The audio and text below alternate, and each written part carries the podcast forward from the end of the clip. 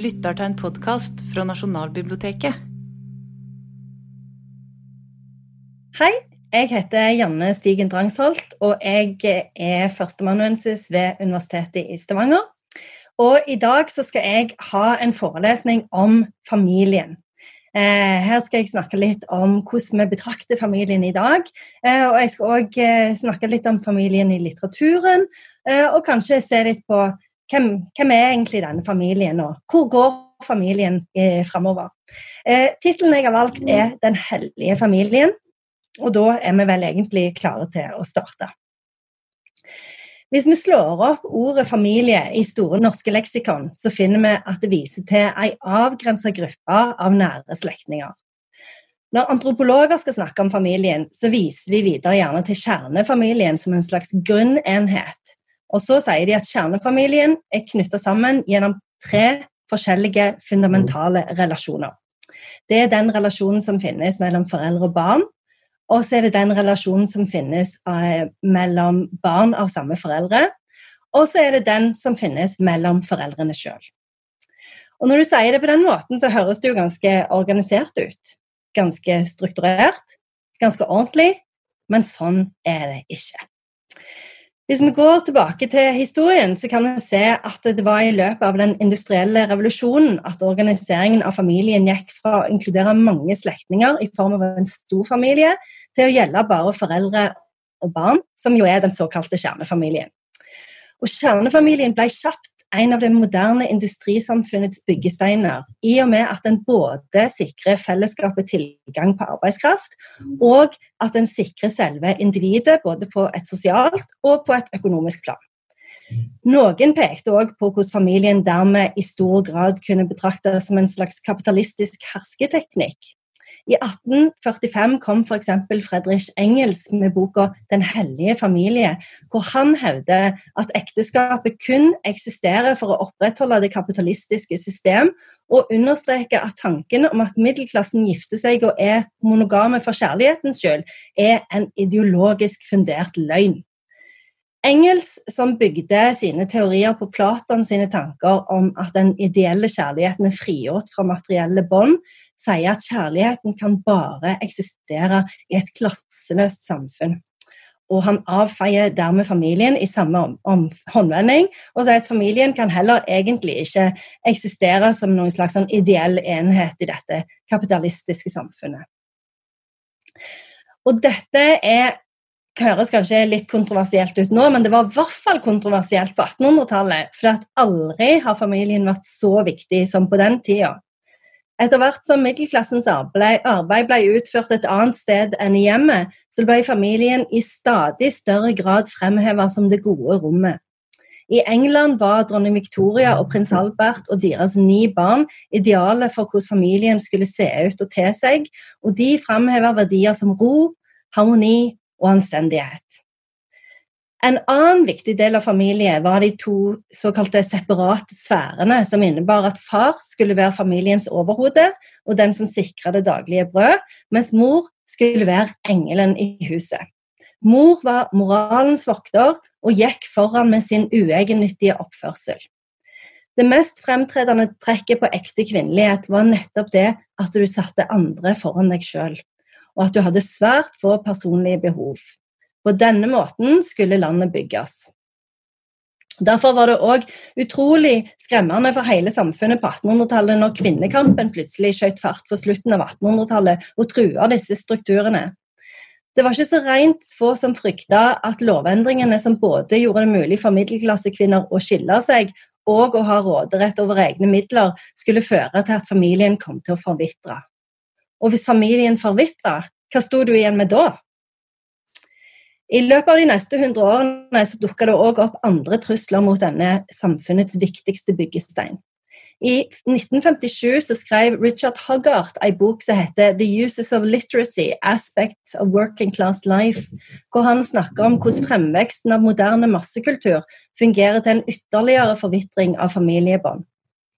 Et eksempel han bruker er hvordan de nye idealene som vokste fram etter andre verdenskrig, førte til at unge menn forlot hjembyene sine for å klatre på den sosiale rangstigen, med den konsekvensen at de aldri kom tilbake, og i samme håndvending mista det sosiale sikkerhetsnettet som familien og lokalsamfunnet representerte. Resultatet, sier Haggart, var en dramatisk økning i antallet ensomme og klinisk deprimerte storbyindivid og et mer sårbart samfunn. Sosiologen Sigmund Baumann peker også på noe lignende i boka som på engelsk heter 'Liquid Love On the Frailty of Human Bonds'. Også han er nemlig bekymra for alle de båndene som ikke lenger holder oss på plass i moderniteten. Og han peker på religion, ekteskap, klasse og ikke minst familie. Konsekvensen av at disse båndene løsner, sier Baumann, er at det moderne samfunnet blir flytende, og at vi tvinges til å bruke egenskaper, kunnskap og en slags form for indre driv på å stadig knytte nye bånd, som både skal være løse nok til at vi ikke føler oss kvalt, og sterke nok til å hindre at vi flyter av gårde ut i atmosfæren. Baumann sier at hele vår tilværelse går ut på å balansere mellom disse to eh, eh følelsene. En øvelse som er såpass utmattende at vi blir slitne, vi blir leie, og vi blir ensomme. Ut fra dette så kan det kanskje synes som om familien har blitt marginalisert, og at han slett ikke lenger finnes som en maktfaktor eller balanserende element i kulturen. Og at båndene som tidligere holdt oss sammen, for lengst er kutta, og at de er stua inn i skapet sammen med fotoalbum, Commodore 64 og barnetøy. Men det stemmer ikke. Det er riktignok slik at tallet for inngåtte ekteskap har gått nedover de siste årene, men ekteskap er fremdeles den vanligste samlivsformen, og familien er fremdeles den minste byggesteinen i samfunnet. Den som i bunn og grunn limer oss sammen. Den som alt avhenger av. Nettopp derfor så handler fremdeles så mange av fortellingene våre òg om familien. For vi er jo tross alt mest interessert i de fortellingene som handler om oss sjøl de som speiler oss og viser oss frem i et tragisk, komisk eller dramatisk lys. Hva ellers skal vi gidde å snakke om? Og hva ellers skal vi orke å høre om? En slik observasjon finner vi òg i Marta Norheim sin innføring til norsk samtidslitteratur fra 2017, som har tittelen 'Oppdateringer fra Lykkelandet'. Her skriver Norheim at de siste 15 årene har en stor del av fokuset i norsk litteratur flytta seg over fra barndom til parforhold, samliv og familieliv. Mens norske forfattere for noen år siden synes besatt av å dissekere sin egen oppvekst for å finne ut hva som gikk rett eller galt, så har fokuset i stadig større grad, grad glidd over på familien. For familien er viktig, sier Norheim, til tross for at den er under press fordi han har blitt fratatt nettopp mange av de tradisjonelle og praktiske funksjonene som han pleide å ha. Og kanskje antyder Norheim, er det dette som gjør familien ekstra interessant å skrive om i dag. Fordi den er såpass sårbar. For i motsetning til tidligere, når alle hadde hver sin tydelige oppgave, og far var ute og jobba og bar hjem baconet, og mor var engel, og barna i stor grad var små og underdanige, så er dagens familie ifølge Norheim i stadig større grad tufta på følelser og bygges av medlemmene på eget initiativ. Dette er en svært interessant og presis observasjon som understreker en del av de utfordringene som foreldre og partnere i dagens Norge sliter med. Familielivet i dag er nemlig i stor grad en slags improvisert øvelse som består av en mer eller mindre klar forståelse av at man må organisere felles aktiviteter, man må ha regler for når ungene skal være hjemme, man må ha regler for skjermtid, man må ha ritualer rundt måltid. Denne forståelsen akkompagneres videre av en god del spørsmål. For skal foreldrene først og fremst være læremestere, eller skal de være kompiser? Er familien en slags vennegjeng, eller er det en utdanningsinstitusjon for gode samfunnsborgere? Og hvor god jobb har vi egentlig, eh, hvor god jobb har vi egentlig anledning til å gjøre som foreldre i verdens rikeste land? Og er vi først og fremst individer, er vi først og fremst kjærester, eller er vi først og fremst foreldre i familielivet? På 1800-tallet var dette litt enklere, for da fantes det en god del pedagogiske hjelpemidler som tydelig forklarte både mann og kvinne hva rollene deres bestod i. I Sarah Stickney Ellis sin utdanningstekst 'Disinterested Kindness' så kan vi f.eks. lese følgende instruksjon. En kvinne må alltid spørre seg selv hvordan skal jeg klare å bruke tiden, helsen og midlene jeg er begunstiget med på beste vis? Er noen syke? Da må jeg reise ut og besøke dem ved første anledning. Er noen klare til å sette ut på reise? Da må jeg eh, passe på at de får en tidlig frokost. Sviktet jeg i å være snill og omtenksom mot familiemedlemmer i går? Da skal jeg møte henne med en hyggelig hilsen i dag. Datidens kvinneideal satte alt inn på at mødre og koner skulle utslette sitt eget jeg og være klar til 100% tjeneste for andre. Helt til Virginia Woolf dukka opp. For i Virginia Woolf sin roman 'Til fyret' så møter vi to sentrale kvinneskikkelser. Lily Briscoe og Mrs. Ramsay. Lily Briscoe er en karakter som velger seg kunsten og karrieren foran ekteskapet og familielivet, fordi hun vet at de to lar seg ikke kombinere. Men Mrs. Ramsay hun velger familielivet foran alt annet. Hun er en typisk engel i huset-karakter som stadig er klar for å møte andre sine behov og fortrenge sine egne. Og Der ser vi allerede fra begynnelsen av romanen hvor hun sitter og strikker sokker til ungene som bor ute på fyret, samtidig som hun prøver å berolige sønnen sin James, som har veldig lyst til å dra ut på fyret, men som er, er frustrerte fordi at faren hele tida understreker at været kommer ikke til å bli godt nok. Mrs. Ramsey har ingen tanker for seg sjøl, hele hennes vesen er knytta ut mot disse eh, ungene på fyret, på sønnen som vil til fyret, på faren som kanskje, kanskje ikke har lyst til å reise på fyret. Og vi vet egentlig ikke helt hvem Mrs. Ramsey er. Hun tenker utelukkende på andres ve og vel. Sånn kan vi ikke holde på, sa Virginia Woolf. Kvinner må få lov til å være et individ. De må få lov til å ha et yrke uten at det skal betraktes som lite feminint. De må få lov til å være kunstnere og forfattere uten at det skal være uglesett. Og derfor så drepte du Mrs. Ramsey i romanens andre del. Sånn at når Mr. Ramsey strekker armene ut i løpet av natten, så forblir de tomme. Fordi Mr. Mrs. Ramsey er død. Og det er tragisk. Eh, det er kanskje verdenslitteraturens vondeste scene, men det er nødvendig.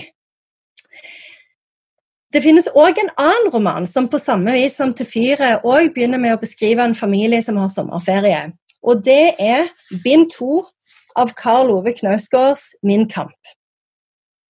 Denne romanen har utgangspunkt i den 29. juli 2008, og hovedpersonen åpner med å beskrive hvor intensivert hverdagen er i sommerferien, og konstaterer at han aldri har forstått poenget med ferie, og at han aldri har hatt trang til det og at han alltid bare har hatt lyst til å jobbe mer når det er sommerferie. Her er tonen med andre ord slått an fra første stund, og gjennom hele resten av boka så får vi bilde av en mann som lengter til sitt eget rom, og som blir amper av klaustrofobi i samvær med familien, som er rundt han hele tida, og som stiller krav, og som har behov som han som far må fylle. Og til tross for at Karl Ove ikke akkurat kan sies å sikte seg mot et mannsideal som går ut på at han skal være engelen i huset, så er det et ganske sterkt ekko av både 1800-tallets kvinneideal og Mrs. Ramsays selvfornektelse i dette bindet. For han stiller tross alt visse krav til seg selv som far og ektemann, og går helt tydelig rundt med et ideal som går ut på at man skal fylle barna sine følelsesmessige behov, gi dem næringsrik mat, gi ditt ryddig hjem og være til stede. Mot slutten av boka så beskriver sågar Karl Ove lykkefølelsen rundt det å være syk.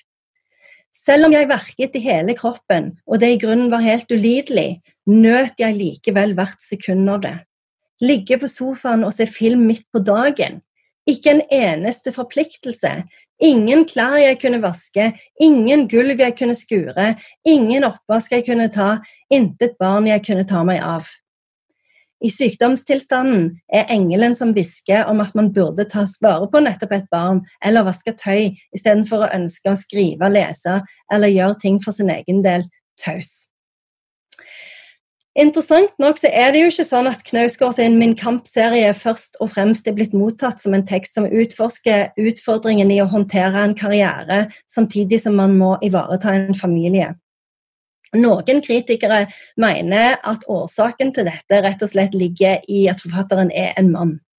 I et essay på nettstedet Slate så tar Katie Royfey og Virginia Woolf og sier at mens Karl Ove Knausgård blir hylla som en forfatter som makter å beskrive livet i all dets fylde, så ville Carla Olivia Kraus aldri blitt tatt på alvor, nettopp fordi hun først og fremst vil blitt lest som en forfatter som beskriver familie tid, nei, familielivet, og ikke selve livet inn i tid i detalj.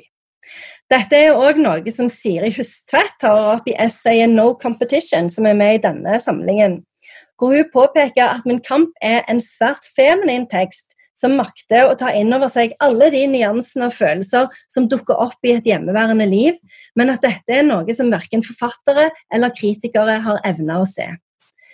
En mann skriver nemlig ikke om den intime sfæren som er familien, han skriver om de store tingene.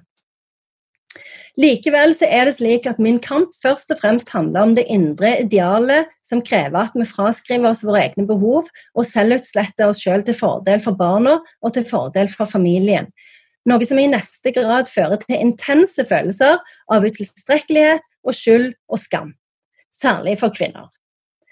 Derfor er denne konflikten òg et gjennomgangstema i samtidslitteraturen som helhet.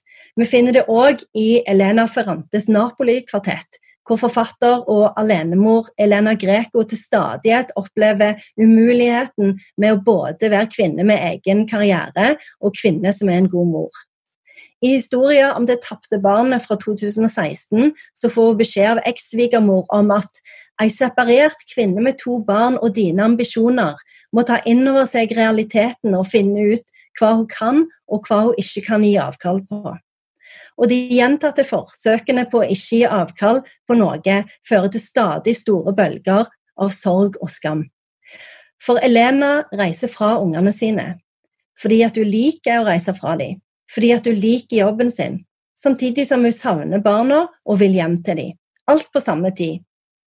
Og i den selvbiografiske Blue Nights, som jeg har her, av John Didion, så oppsummerer hun sin egen rolle som mor i setningen 'Puss tennene, Børst håret, hysj, jeg arbeider. Og hun erkjenner med en stor dose skyldfølelse at hun aldri satte arbeidet til side for barnet. Refleksjonen, at, eh, refleksjonen ender med at du spør seg sjøl var jeg problemet? Var jeg bestandig problemet? Og vi lurer på om Virginia Woolf fremdeles har rett, og om det fremdeles er slik at man må gjøre som Lily Briscoe for for å kjenne en viss form for ro og harmoni i tilværelsen. Familien er med andre ord en kompleks konstruksjon som forholder seg både til ideal som skal oppfylles, og intense følelser av sorg og angst og skam i den grad man ikke makter å gjøre nettopp det. Kompleksiteten ligger for øvrig innebakt i selve ordet familie, som kan spores tilbake til det latinske familia, som igjen kommer fra ordet famulus, som betyr tjener eller slave, og har ukjent opprinnelse. Og i ei bok som heter An Introduction to Literature, and Christ, uh, Literature Criticism and Theory, så sier Andrew Bennett og Nicholas Royals at, på, engel, at på engelsk så finner vi avlederen 'familiar', som betyr kjent. Noe som òg skaper assosiasjoner til antonymet 'unfamiliar'. Og dette vekker igjen assosiasjoner til Sigmund Freud sitt begrep 'unheimlich', som på norsk gjerne omsettes som 'det uhyggelige' og som viser til noe som på samme tid er velkjent eh, og er knytta til hjemmet, og som er ukjent, som vi kan se gjennom prefikset 'ond'. Og I Freuds tekst, som heter 'Das Unheimliche', så forklarer han at dette ordet betegner et slags grensefenomen, hvor fornemmelser av frykt og ubehag er knytta nettopp til at noe er så kjent og trygt og hjemlig og skremmende på samme tid.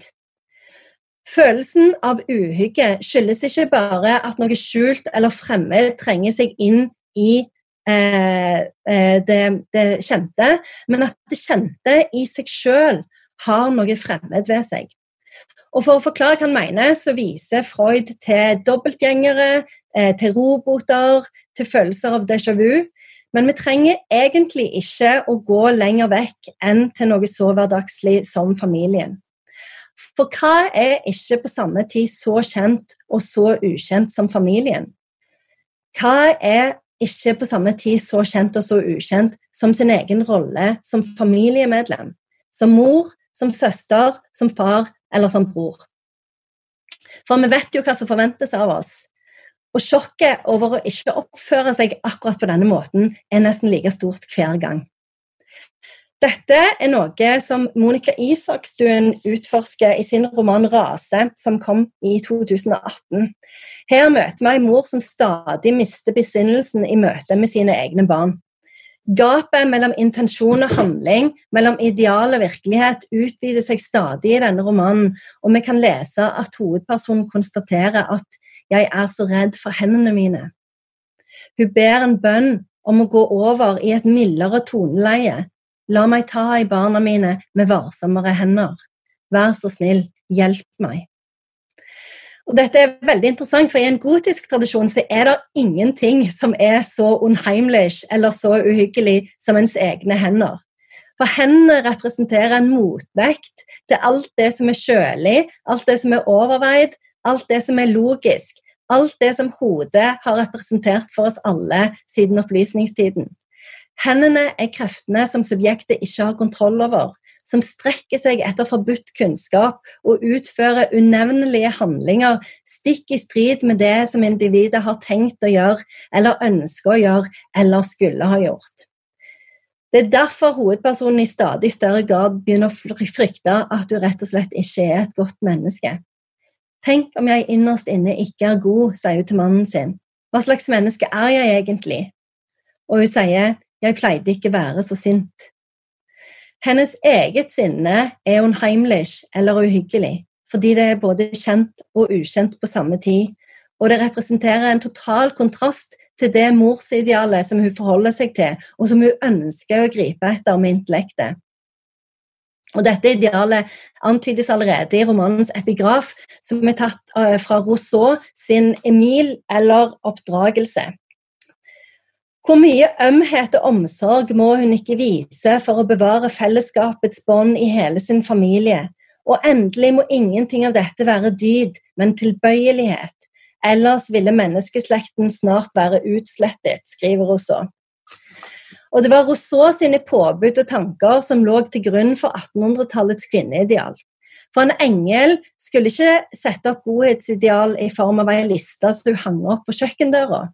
Hun kunne riktignok lære seg noen konkrete ting, som f.eks. å kle seg smakfullt eller å finne ut hva som lå i konseptet ærbarhet. Men akkurat dette med å være god, det skulle ligge naturlig i ei mor. Eh, og òg ei kvinne. For hvis ikke så var hun mindre kvinne. Mindre menneske.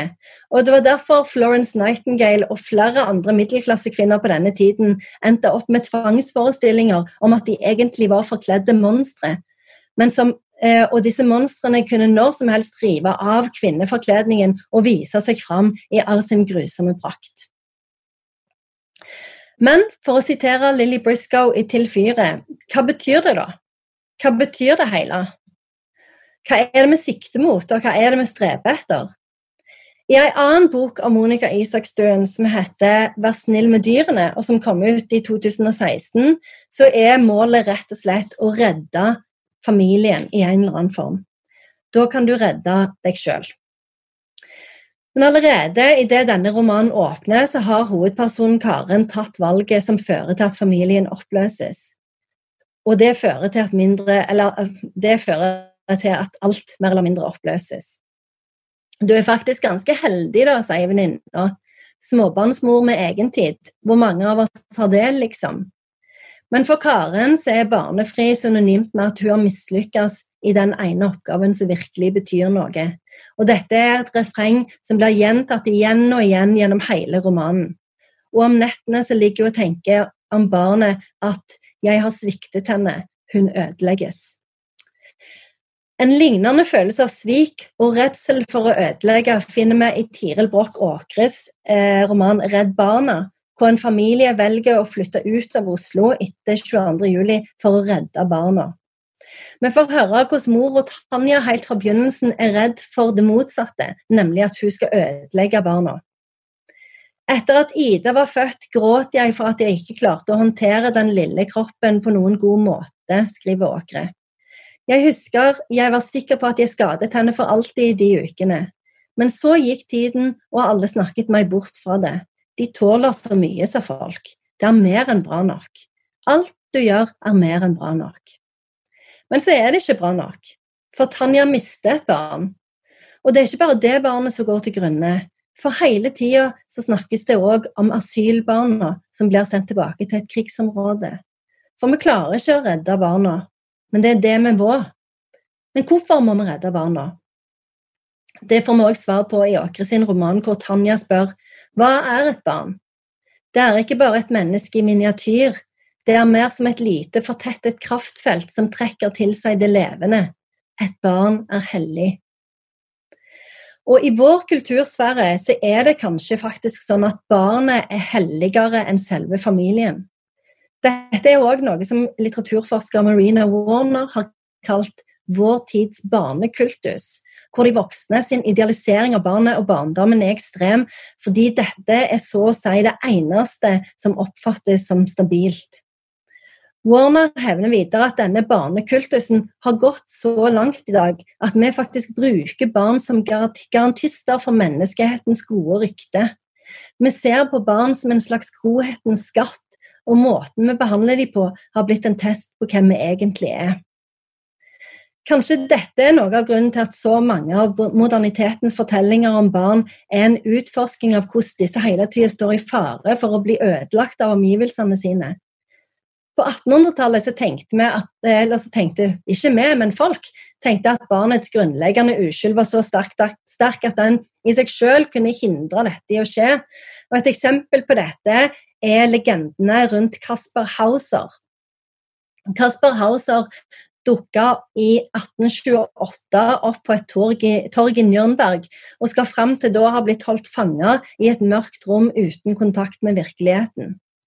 Til tross for denne brutale oppveksten, så var det mest fremtredende trekket ved Hauser milde, det milde vesenet hans, og han var kjent for å til og med plukke loppene fra sin egen kropp, for så å sette dem fri.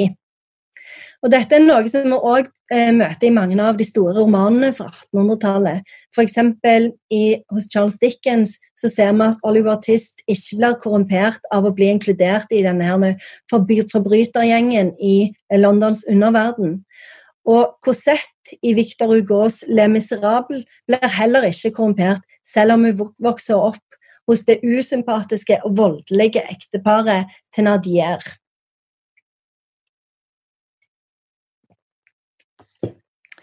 For i barnekultusens tid, som på mange måter har sitt utspring nettopp i fremveksten av kjernefamilien seint på 1800-tallet, så ligger det um, en erkjennelse Ja, beklager. Det jeg skulle si, var at det nå, som er barnekultusens tid, barnekultusens tid, så ligger det en sterk erkjennelse av at barnet ikke har denne iboende uskylden og godheten i seg som kan beskytte dem fra omgivelsene. Her så ligger eh, altså, La oss føre av erkjennelsen av at miljøet faktisk kan ha sterkt negative konsekvenser for barnets utvikling. For i en verden hvor det finnes så mye ondskap, så kan det fort gå ufattelig galt. Det er rett og slett en fare for at vi ikke klarer å redde barna. Og hvis vi ikke klarer å redde barna, så klarer vi heller ikke å redde oss sjøl. Denne følelsen er delvis knytta sammen med noe annet som Sigmund Baumann er veldig opptatt av, eh, som han kaller for modernitetens eh, grunnleggende følelse av frykt. Han sier at frykt er et, et, annet dominerende trekk ved vår kultur. Noe som fører til akutte følelser av ambivalens og usikkerhet og angst.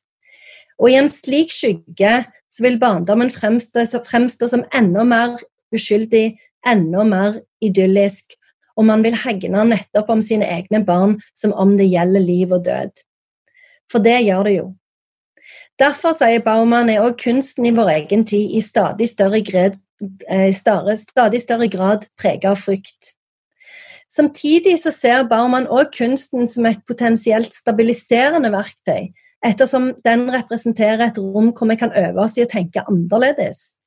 Kunsten gir oss et bilde av frykten og hjelper oss på mange måter til å forholde oss til den, i tillegg til at den faktisk kan gi oss håp.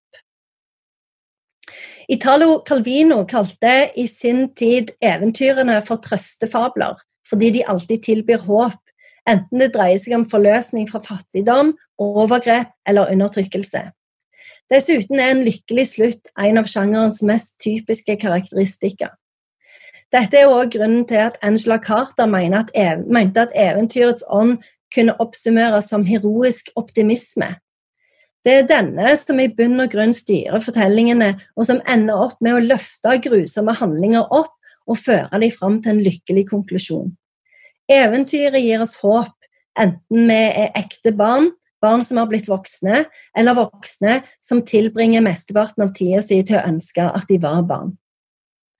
Når det gjelder romanen, så ser banen litt annerledes ut, til tross for at mange forfattere gjerne òg vil lede leseren opp mot lyset på slutten. Men hvor er det trøsten og håpet ligger i den kunsten som vi presenteres for? I mange bøker så kan det synes som trøsten og håpet faktisk ligger i hverdagen, i balansen eller i normaliteten. At det er den som fremheves som et ideal. I Redd Barna tenker Tanja at for litt over et år siden var jeg et normalt menneske.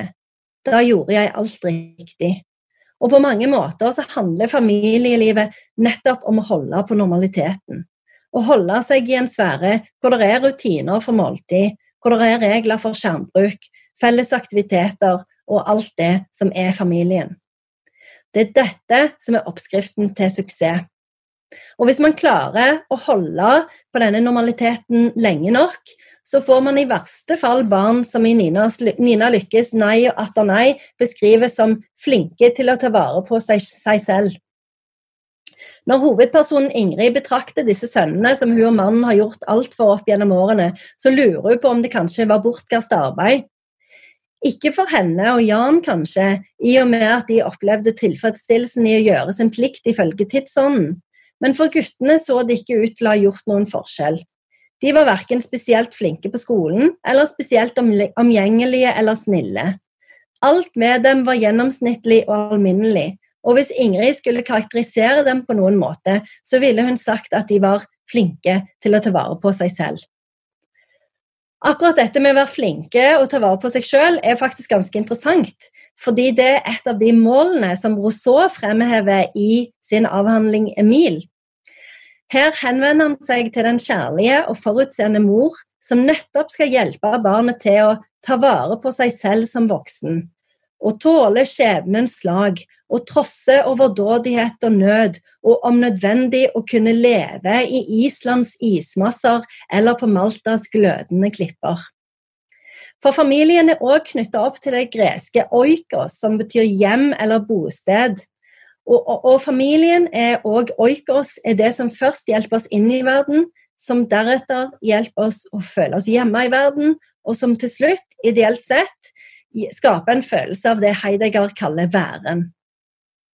På denne måten er familien òg en integrert del av såkalte The Quest, eller oppdraget, som i mange tusener av år har utgjort grunnsteinen i alle fortellinger. Her blir en helt sendt ut på oppdrag, møter motstand, finner Den hellige gral og bringer den med seg hjem igjen. Det er familien som sendes helten ut, og det er familien som tar imot henne når hun kommer hjem. Men hva om familien feiler, da? Hva om familien ikke makter å skape en helt som kan sendes ut for å finne Den hellige gral? Hva om familien i stedet har slitt så mye med indre konflikter og nevroser at helten bare kollapser på dørstokken og ikke klarer å reise noe sted i det hele tatt?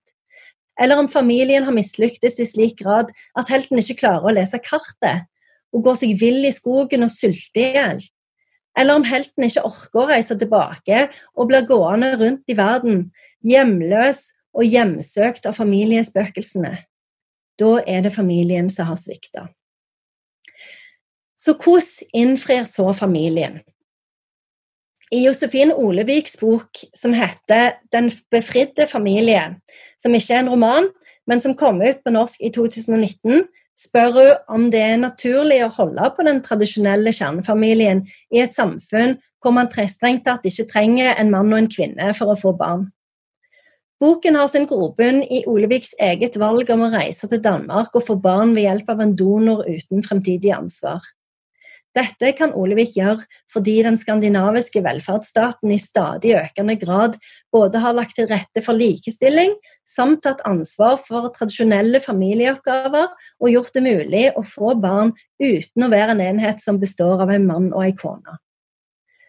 Alt dette tatt i betraktning, så er det kanskje på tide å se litt hardere på kjernefamilien, sier Olevik og spør om dette er den mest samfunnsnyttige måten å organisere enkeltindividene på.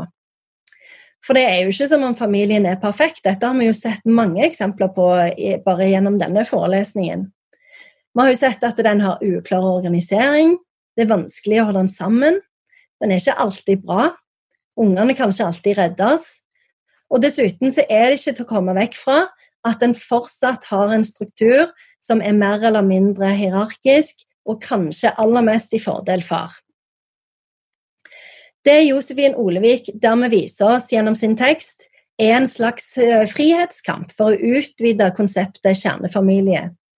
Hun ønsker seg at kjernefamilien skal bli åpnere, og at man ikke skal legge et like sterkt fokus på foreldreparet eller på kombinasjonen av mann og kvinne som de mest naturlige omsorgspersonene.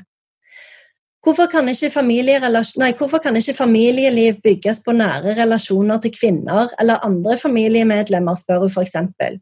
Og høres litt ut som Sigmund Baumann, som sier at vi i moderniteten sjøl velger hva slags bånd vi skal pleie, og hva slags bånd vi skal kutte. Kan det innebære at vi slett ikke trenger familien?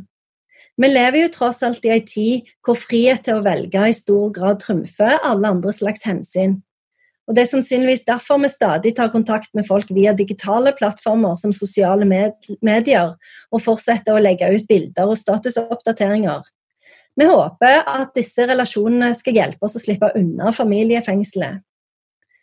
Samtidig er det tydelig at vi òg har behov for det sikkerhetsnettet som familien tross alt er. Vi trenger å kjenne på at det finnes noen som stiller opp for oss og gir oss trygghet og kjærlighet og omsorg, selv når vi ikke ser Instagram-fine ut eller har energi til å gjøre oss om eh, til attraktive venner. Når vi har null energi og bare er den kjedelige versjonen av oss sjøl, så er familien ganske grei å ha. Når vi ikke har jobb eller fritidsaktiviteter til å distrahere oss sjøl med, når pandemien herjer og vi alle er i lockdown, da ser vi at familien tross alt har en funksjon. Og vi lengter etter alt det som familien har å tilby, og vi håper at den på et eller annet plan kan innfri. Tusen takk for meg, og tusen takk for at du så på denne forelesningen. Det, altså, man kan jo ikke oppdage en sånn historie uten å bli litt sånn i se og hør-modus, selvfølgelig. Dette er pikant. Rett på!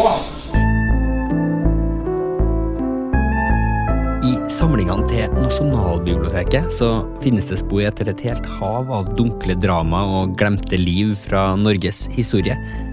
I podkasten Gamle greier så skal jeg, Askild Matre Vassarød, fra det lille studioet midt i kjelleren under Nasjonalbiblioteket i Oslo, nøste opp de her mysteriene. Det er en voldsom kjærlighetshistorie, rett og slett. Abonner på Gamle greier gjennom den podkasttjenesten du bruker.